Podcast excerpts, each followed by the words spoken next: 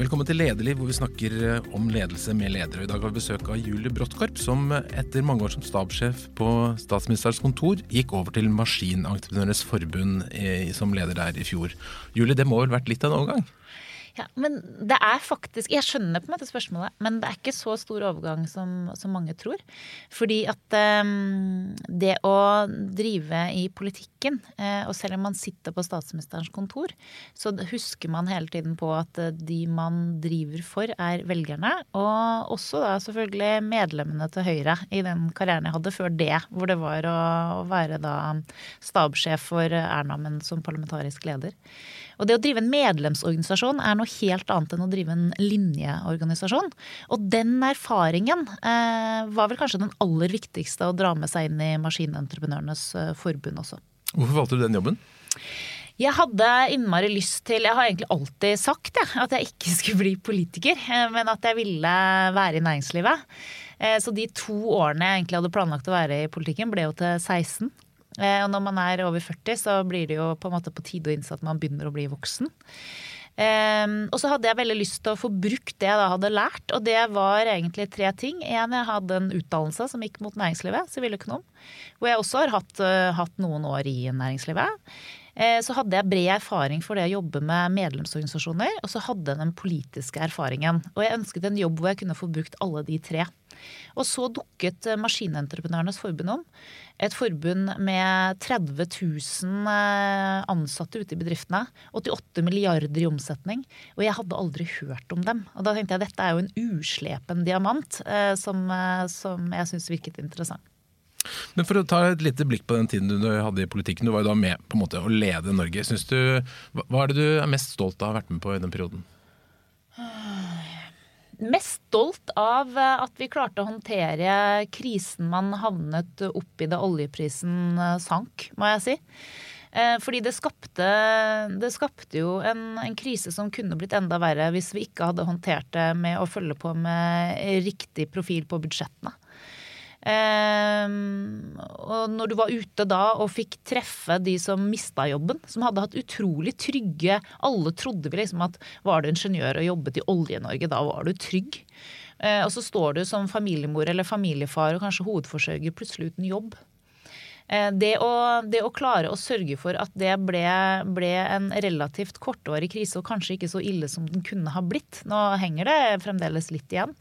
Eh, det tror jeg regjeringen generelt skal være innmari stolt av. Og så helt over det andre feltet, så, så har jeg vært veldig engasjert i norsk barnevern. Og jeg mener at eh, den barneverns, altså den fosterhjemsmeldinga eh, som Solveig Horne fikk, fikk, lagt frem, og de endringene som har kommet der, med å ha fokus på, på ungen og ikke på systemet, det har vært innmari viktig.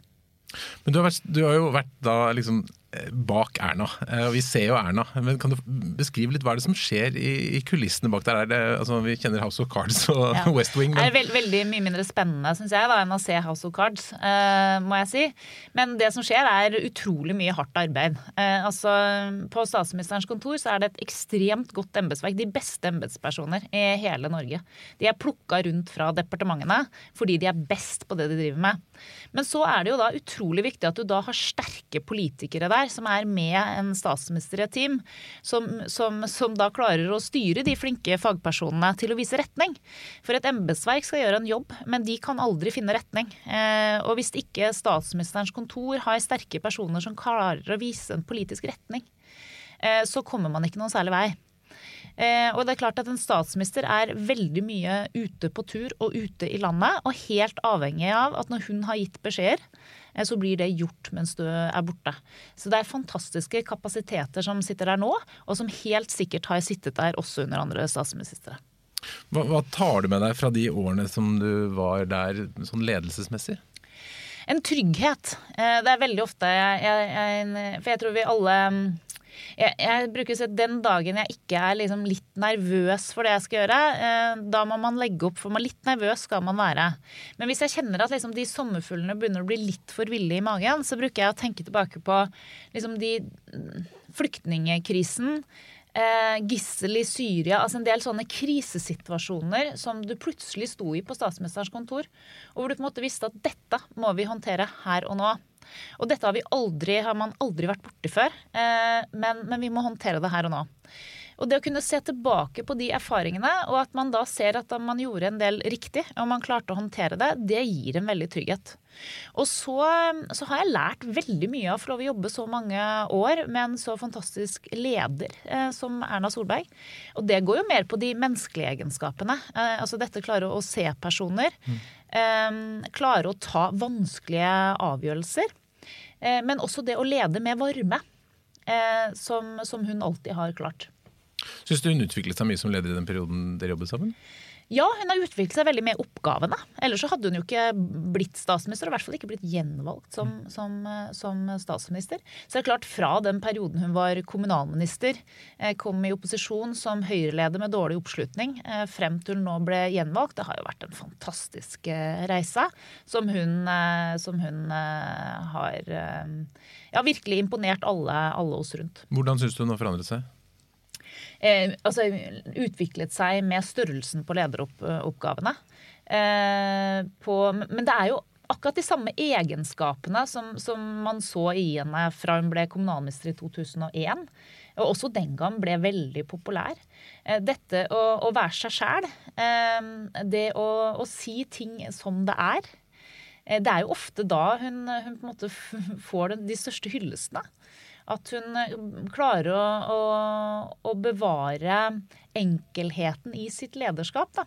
Lederskap kan jo egentlig være veldig enkelt, men det å gjøre liksom det mest selvfølgelige kan jo være det vanskeligste. Men det klarer hun.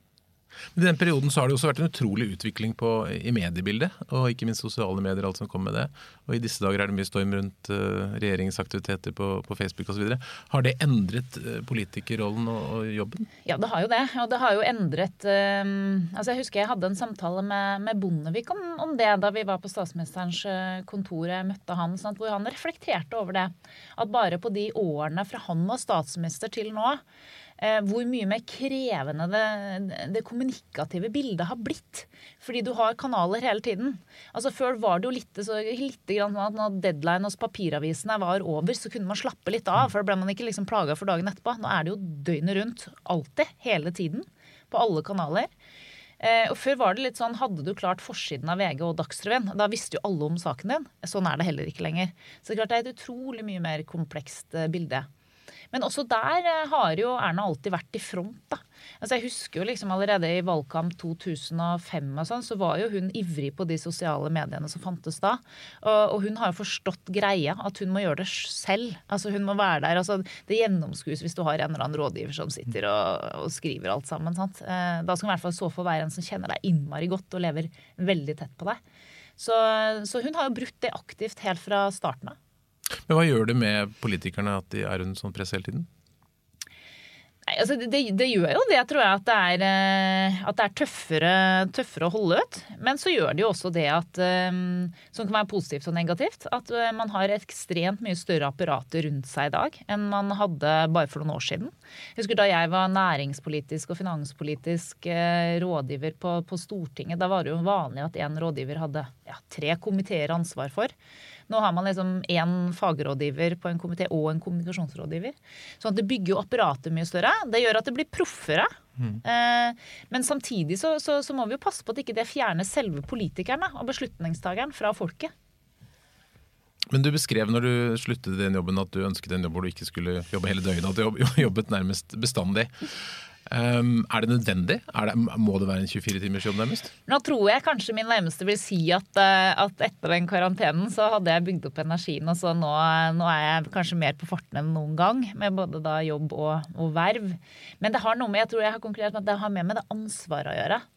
Altså, du kan i mange lederstillinger få krevende oppgaver. Men jeg merket på meg selv at eh, noe av det tøffeste i min tid på statsministerens kontor, det tror jeg var da vi hadde et norsk gissel i Syria. Eh, og en mor og en far er alltid en mor og en far. Eh, og jeg, jeg, klarte ikke når jeg gikk og la meg da om kvelden, og jeg visste faren han var i.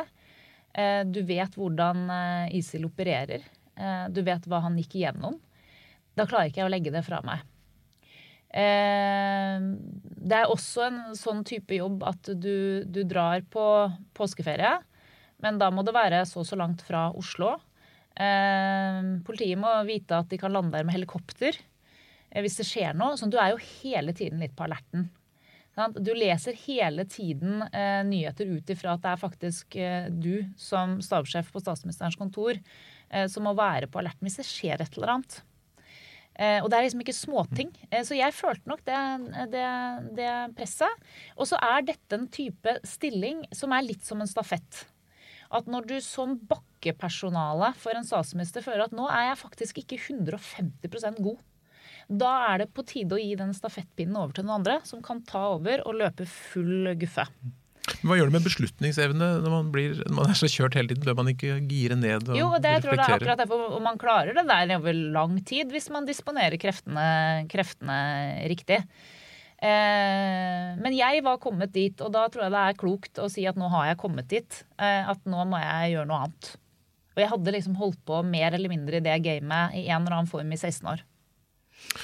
Og Hvordan er hverdagen din nå, som kontrast til dette? Nei, Nå har jeg, det, har jeg det, veldig veldig gøy. Det er, jo, det er jo på en måte ganske likt, ikke som statsministerens kontor, for det er jo litt som en sånn borg du går inn i tidlig om morgenen og ikke helt vet når du kommer ut, og sitter med embetsverk. Det er liksom sånn den politiske staben rundt en statsminister lever.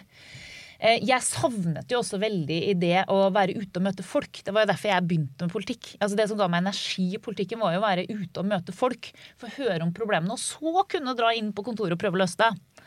Eh, og der er jeg litt nå igjen, da. Sant? At jeg får lov å reise land og strand rundt. Jeg har vært i alle fylker. Eh, reiser tre og fem dager i, i uka for å møte medlemmene mine møter jo fantastiske folk. Altså, dette er de folka som bygger infrastrukturen i Norge. Om det er vann og avløp, om det er veier, eh, om det er eh, gjenvinning, eh, så er det, er det gutta og jentene mine som gjør det.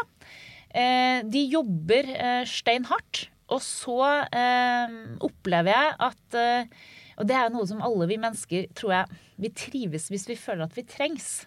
Og her føler jeg at jeg har både en ledelseskompetanse, organisasjonskompetanse, men også veldig viktig kompetanse om hvordan vi kan endre rammevilkår. Eh, som er viktig for dem, for det er noe de ikke kan.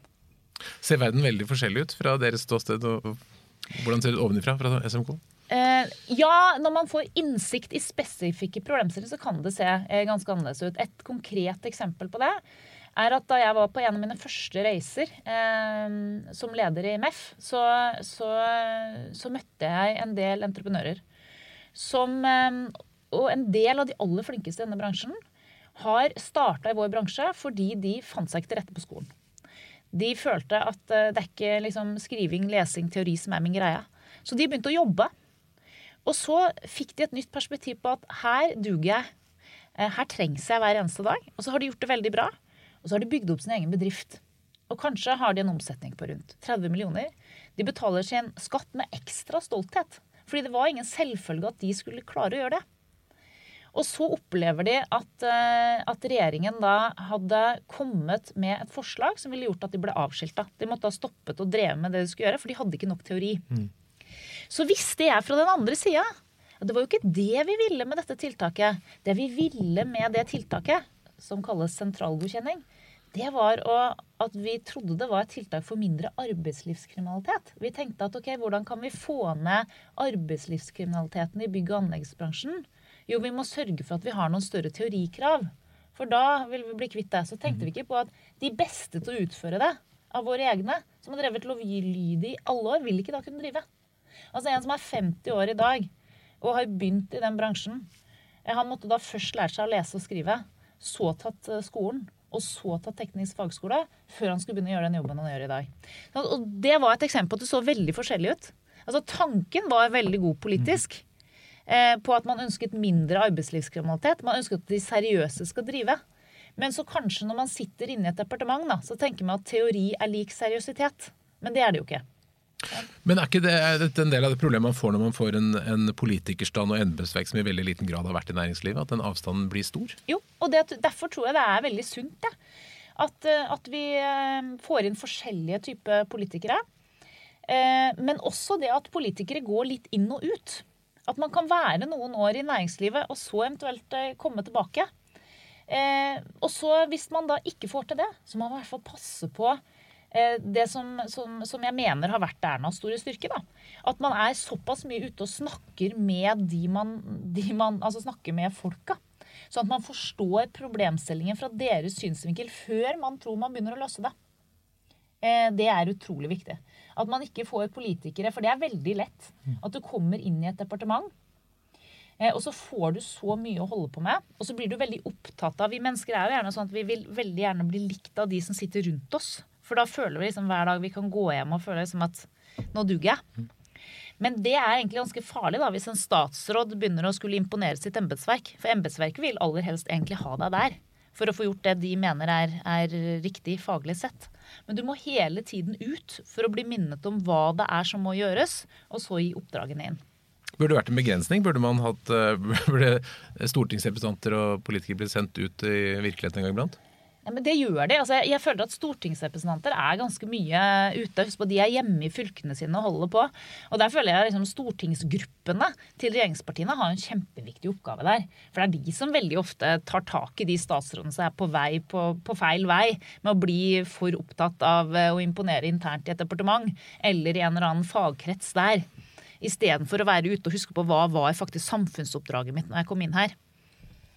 Men det at statsråder husker det, at det ikke liksom kommer inn, at de tar, liksom det å ta kontroll over egen kalender med en gang du kommer inn i et departement, det er kjempeviktig. Men det tror jeg er enhver lederjobb. Og det å være statsråd er en kjempeviktig lederjobb. Hvis du ikke selv tar kontroll og legger en strategi for din egen kalender, så blir jo den kalenderen oppslukt. Eh, og så når året er over, så vet du egentlig ikke helt om den kalenderen stemte med den strategien du hadde sagt på hva du skulle oppnå. Så Hvilken strategi har du lagt for din lederkalender nå? Jeg har lagt at det er med, med, med grunn, altså når målene våre er eh, at vi skal klare å serve medlemmene med de problemstillingene de er opptatt av. Og jeg har fått konkret fire baller eh, av mitt hovedstyre. Og hvis vi skal som team klare å løse de, så må jeg være ute i landet og løse de. For de løses nedenifra og opp. Og Derfor så er jeg tre av fem dager ute. Og veldig ofte tror jeg nok sikkert, det er helt naturlig, at backoffice Bevisst så har vi ikke noe hovedkontor lenger i MEF. Det er nedlagt. Vi har en backoffice. For at våre medlemmer er ute i landet. De sitter ikke i Oslo. Derfor blir det helt feil om vi hadde kalt det hovedkontor. Men de vil sikkert veldig gjerne at jeg skulle ha vært mer der. Ja. Men det viktige for meg er at når jeg er der ute, så får jeg en befatning med problemene som det er min oppgave å, å løse. Og da er det også enklere å se løsningen når du sitter sammen med de som har problemet. Og så har du fagkompetansen eh, bak deg. Du har jo, I tillegg til den jobben så har du blitt uh, leder i Kringkastingsrådet og i representantskapet Norges Bank. Det er ganske sånn det, det, det, tre fin portefølje. ja, portefølje. Men er det en veldig stor eh, kulturforskjell? Er det, er det ulikt ja. hvordan du leder i de forskjellige stedene? Uh, det må jeg si. Jeg husker før, før denne berømmelige middagen i Norges Bank, som er en stor greie i Norge så hadde jeg sånn mareritt om at jeg hadde tatt med meg feil middagstale. Sånn at jeg holdt en sånn brakkemiddagstale på Norges Bank som ble helt sånn katastrofe. Jeg gjorde heldigvis ikke det. Men det viser jo på en måte at det er, det er to vidt forskjellige kulturer. Norges Bank er jo litt mer sånn statsministerens kontor. Det er ganske stivt, og det er formelt, og man sitter på faste stoler og rundt et sånt litt rart møtebord med mikrofoner, og sentralbankledelsen sitter rett overfor deg, og lunsjene er relativt stive og sånn, men det er også hyggelig på sin sitt vis. Eh, men, men, jeg må innrømme at når jeg går, går derfra, så, så, tenker jeg at det var, det var, helt riktig av meg å begynne i en annen bransje nå. For det var liksom litt mer sånn som det må være, og var på, på statsministerens kontor. Kringkastingsrådet har jeg en følelse er, er litt mer eh, laidback form på møtet. Eh, men der har vi første møte først neste uke. Spennende. Mm. Men bruker du da ulike sider av deg selv i de ulike sammenhengene? Ja, det må man jo gjøre. Altså, jeg, jeg, jeg, merker jo f.eks. det at jeg, jeg, Vi har vel alle mennesker noen aspekter av liksom omgangsform. Som, som, du må tilpasse de du møter. Altså Hvis jeg har kommet med og vært uh, formell og kalt, uh, kalt liksom de jeg møter ute på anlegg etter etternavn og titler og sånn, uh, så hadde nok det virket veldig sånn fjernt. Så det er en veldig mye mer sånn laidback eh, tone. Eh, mens i Norges Banks representantskap så er det en formell kultur og, og, og tone. Det er det jo. Men du, fra, fra, politikken så kom du fra et miljø hvor det var mye kvinner. Eh, det er jo ikke så mye damer kanskje i MEF? Nei, eh, det, det, er jo av medlemmene så er det jo, det er jo for det meste menn eh, i, eh, i, anleggsbransjen. Og det er noe som vi ser litt inn i. For når vi ser på, på lærlinger, f.eks., eh, så, så ser vi at vi har en del jenter på anleggsteknikk på studiene. Eh, men at eh, mange av de eh, hopper av i lærlingtida. Så det å dykke litt mer i hva er det egentlig som skjer der, hvorfor gjør de det? For det er klart at skal vår bransje klare å rekruttere de beste hodene og beste arbeidskraften i tida som kommer, så må også vi klare å få inn flere kvinner. Blir det en røffere tone i MEF-møtene enn du er vant til ellers? Det er, det er, liksom, det er utrolig mange som har spurt meg og det må være røft. og sånn som Når jeg reiser rundt på årsmøter og var liksom med, med MEF i Finnmark, i Krakow og sånn, så merker jeg liksom å gud, hvordan var det? liksom. Men nei, veldig sånn høflig og ordentlig. Ikke, ikke noe sånn tull. Det er, ikke, det er en seriøs bransje, altså. Så det, så det, er litt eh, Der har de dårligere ry enn eh, hva som er faktum. Eh, det er hardtarbeidende, reale folk. Det som kanskje er, forskjellen, er at det er folk som, som, alltid, hver eneste dag, går på jobb for å løse problemer. Så det er ikke noe sånn visvas. Altså, du kommer inn på brakka, eh, så går du ut derfra etter kort tid, og da vet du akkurat hva de mener. Eh, mens når du går ut for Norges Banks repskap, så kan man av og til tenke sånn Hva var det egentlig vi her ble enige om, bortsett fra masse ord? Så det er en litt forskjell. Hadde Norge blitt uh, bedre styrt hvis man hadde tatt med seg litt av den, den? Ja, men, men, jeg tror jo at de politikere som virkelig lykkes, er de som klarer å holde språk og tone litt enkel. Jeg tror jo det er mye av det som Erna faktisk har klart. Eh, at hun veldig ofte sier ifra når folk eh, er rundt henne at hvis du tar bort alle, alle plussord her, hva var det egentlig du mente her nå? Og det tror jeg man, man har godt av i, i veldig mye av det, av særlig byråkrati i Norge. Det tror jeg hadde vært bra. Byråkratene er redde, da? Er det ikke det? Ja, og det er jo i så fall politikernes skyld. Mm. At man, eh, man, har bygd opp et, eh, et, eh, system hvor det er Det viktigste er å ikke gjøre feil. Og det er ganske skummelt ledelsesmessig. Tenker du det er et problem i Norge? Jeg tenker Det er et problem ikke bare i Norge, men i, i svært mange store organisasjoner. At, at, det å, Jo større organisasjonen er, jo fortere er det å få en kultur hvor, hvor folk blir mest opptatt av å ikke gjøre noe feil. fordi at det er da man er utsatt. Eh, og da blir det mye dårlig lederskap og mange dårlige beslutninger, og kanskje aller verst ikke-beslutninger. Er det noen opplevelser som spesielt har formet ditt syn på god og dårlig ledelse? Ja, det må være, være egentlig min mor. Eh, fordi jeg eh, opplevde jo ganske, heldigvis da, ganske tidlig i min skolegang å få, få påvist at jeg hadde dysleksi. Um, og da mener jeg hun som mor gjorde noe svært viktig som, som, også er riktig ledelse. Hun så på meg som et selvstendig individ og, og tenkte litt som så at OK, um, her har du helt åpenbart et handikap, men, men, hva kan jeg da fokusere på som er din aller sterkeste side? Og hvis man i lederskap klarer å ta og se på medarbeiderne sine og være med å hjelpe medarbeiderne til å se hva er dine sterke sider, og så klare å utnytte alle sterke sider i organisasjonen, så klarer man utrolig mye. Eh, så, så, det er jo mange av de samme mekanismene. Spennende. Har du sett noen ordentlig dårlig ledelse noen gang som du har lært av? Ja, det tror jeg vi, vi alle har, eh, har, sett. Og jeg syns det verste jeg ser, det er når jeg ser ledelse ved frykt. Og det er det jo en del av. At man kommer inn i posisjoner og tror at det å Altså da, da da ville jeg ikke egentlig kalle det ledelse, jeg kaller kalle det å sjefe.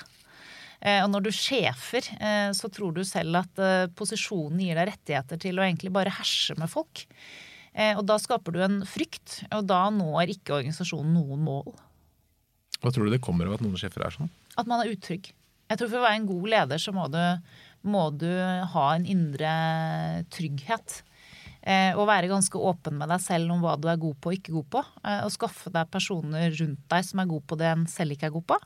Og tørre å være åpen om det. Etter at du nå trappet litt ned i Høyre, så har du hatt en uh, lei metoo-historie.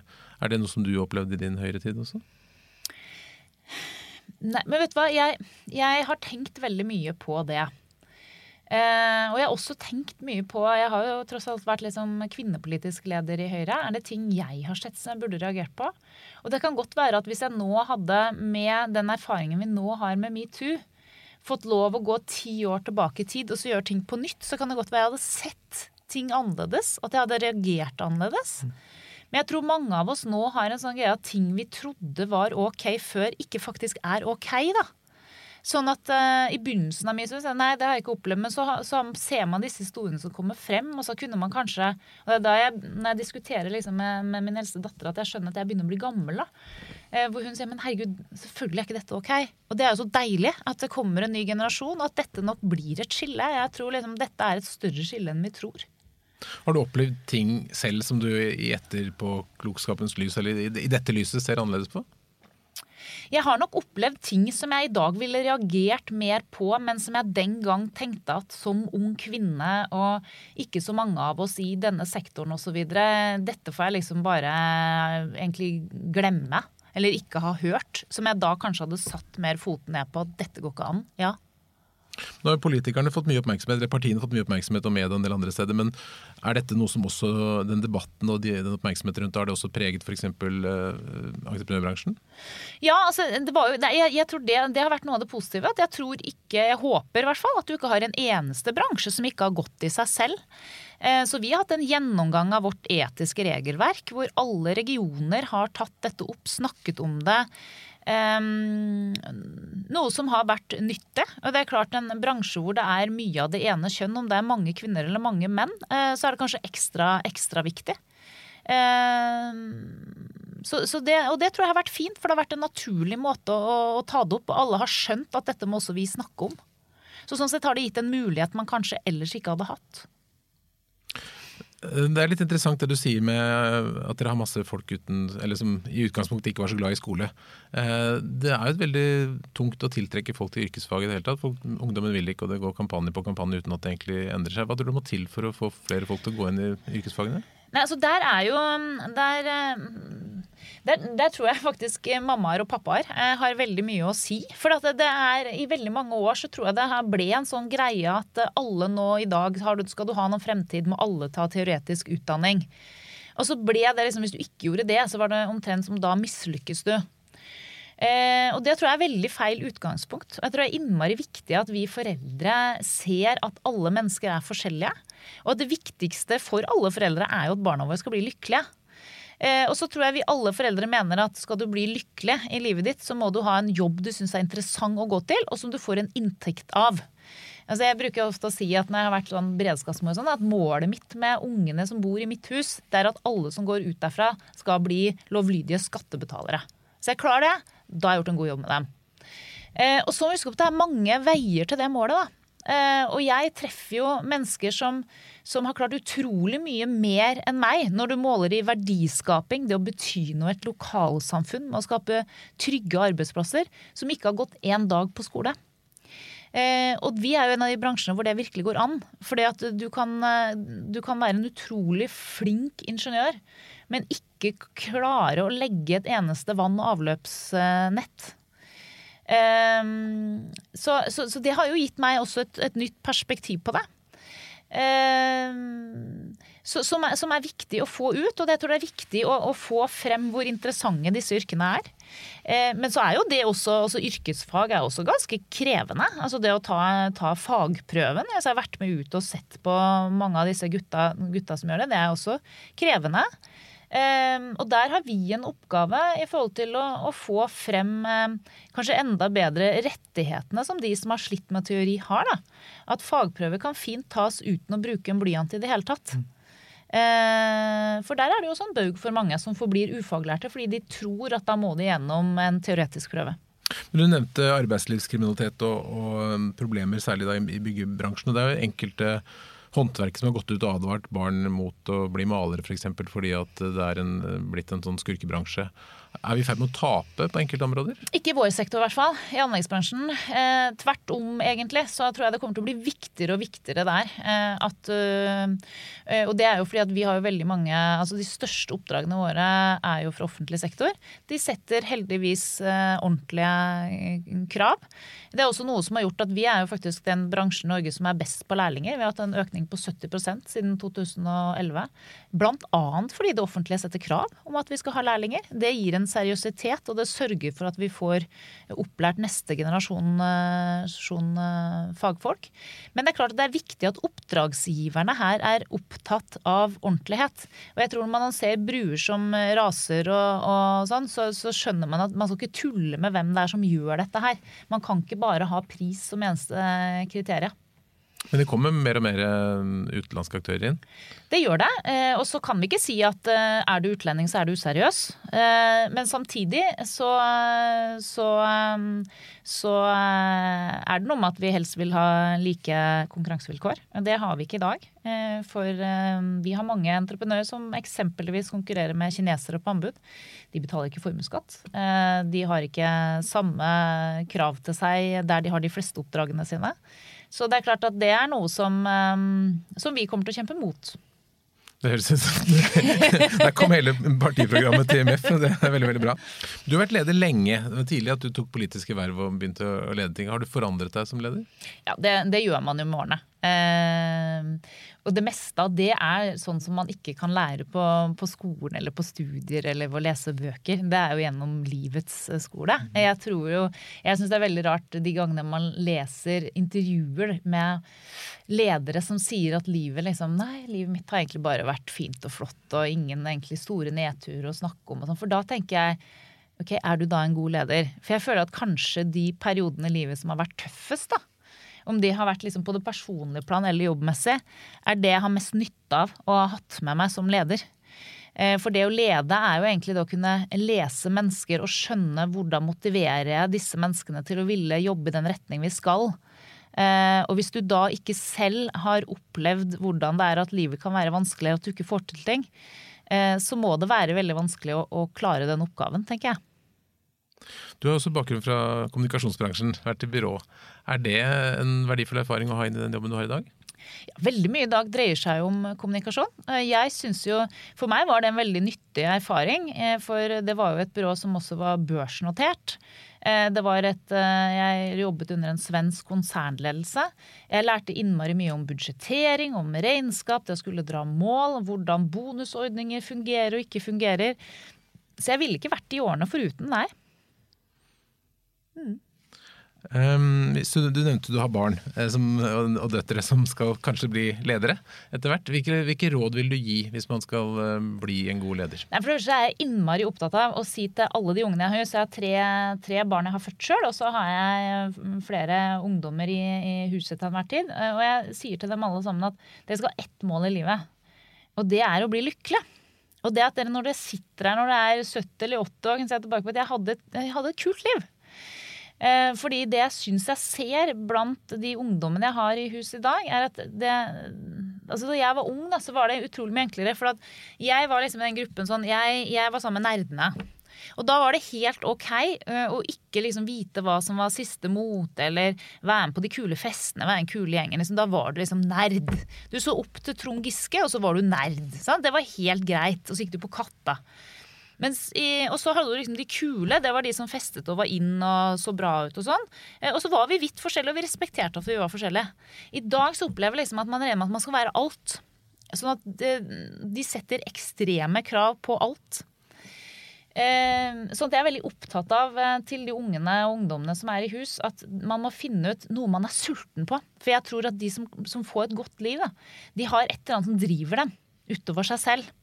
Om det er at du er kunstner, eh, at du er fotballspiller, eh, at du eh, blir en god anleggsarbeider, men du må ha et eller annet som gjør at du syns det er kult å stå opp om morgenen, og du føler du gjør en forskjell. Og det må liksom være, være, målet. Så jeg er veldig opptatt av at ingen i mitt hus skal føle at de, noen, at de skal bli noen ledere eller Det er ikke lykken hvis man ikke finner da i at man gjør den store forskjellen. Men hvis en kommer til deg og sier at nå har jeg fått en sjefsjobb, hvilke tre råd vil du gi? Eh, da vil jeg én eh, eh, gi et råd eh, om at den må få en god oversikt over organisasjonen. Eh, og så analysere de medarbeiderne ut fra de styrkene de medarbeiderne har. sånn at du fokuserer på det. Eh, to, eh, være sikker og åpen om eh, hva som er ens egne styrker og, og, svakheter. Og passe på at man da bygger et team rundt seg. Som jeg har passet på at jeg har en nestkommanderende hos MEF som er helt forskjellig fra meg. Helt forskjellig bakgrunn, men utfyller meg helt fantastisk. Det er veldig viktig. Og da må du være åpen om dine Altså sånn ordentlig åpen, ikke bare sånn tulleåpen, som eh, man fort kan bli. I hvert fall i intervjuer. Um, og så er det det å, å passe på kalenderen sin. Og det å prioritere og sette seg ned helt strategisk med kalenderen og tenke at ok, så mange timer er det jeg har tenkt å bruke på jobb. Eh, og hvordan disponerer jeg da de timene best til å harmonere med de målene som, som vi har satt oss. Og det er egentlig de tre viktigste tingene. Og hvis du klarer å gjennomføre de tre, som er vanskelig sånn fra dag til dag, eh, så vil du lykkes. Nå er du hos Maskinentreprenører. Hvor er du om ti år? Vet du, Det har jeg aldri hatt noen tanke på. Ehm, jeg har egentlig, og Det kan høres litt kjedelig ut, men, men livet mitt har egentlig vært ganske til, tilfeldig der. Og jeg tror Jo eldre jeg har blitt, og jo flere ganger jeg har vært gjennom tørketrommelen sånn livsmessig, så jeg har blitt mer bevisst på at målet mitt om ti år er at jeg er happy. Og så er også erfaringen min at det er helt forskjellige, forskjellige faser i livet hva som gjør deg glad. Eh, så akkurat nå har jeg ingen andre planer enn å være der jeg er. Jeg syns jeg har en fin balanse med en, med en morsom, eh, morsom, jobb. Som lærer meg ganske mange nye ting eh, i den bransjen jeg er nå. Helt ny bransje. Masse å lære. Og i tillegg så har jeg noen verv som gjør at jeg fremdeles har noen føtter i det samfunnslivet og samfunnsengasjementet som jeg var i før. Og den kombinasjonen gir meg egentlig en god helhet. Julie Bråtgaard, tusen takk for at du kom til Lederliv. Takk for at du har lyttet til Lederliv, en podkast produsert av Apeland. Trykk abonner, så får du et varsel neste gang det kommer en episode.